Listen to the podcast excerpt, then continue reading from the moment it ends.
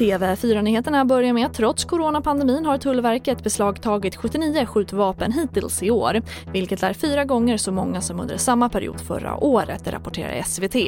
Under pandemin har myndigheten ändrat i sin verksamhet och lagt mer resurser på godshantering och gjort fler kontroller, vilket alltså märkts av i vapenstatistiken.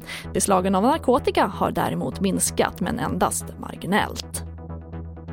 Och den 88-åriga sektledare Lee Man-Hee som leder en sydkoreansk kristen sekt har gripits misstänkt för att ha hindrat myndigheternas arbete med att stoppa smittspridningen av coronaviruset i landet. Människor kopplade till sekten påstås ha stått för mer än hälften av Sydkoreas 4 000 fall av smittade i coronaviruset i februari månad. Och sen midnatt är nu alla svenskar välkomna in i Danmark och det efter att antalet covid-19 smittade i Sverige sjunkit den senaste tiden. Men olika regler gäller beroende på var du bor. Boende i Skåne, Blekinge och Halland får resa utan särskilda skäl men boende från resten av landet måste antingen ha skäl som exempelvis jobb eller ha bokat minst sex övernattningar i Danmark för att släppas in. Och det var TV4 Nyheterna. Jag heter Charlotte Hemgren.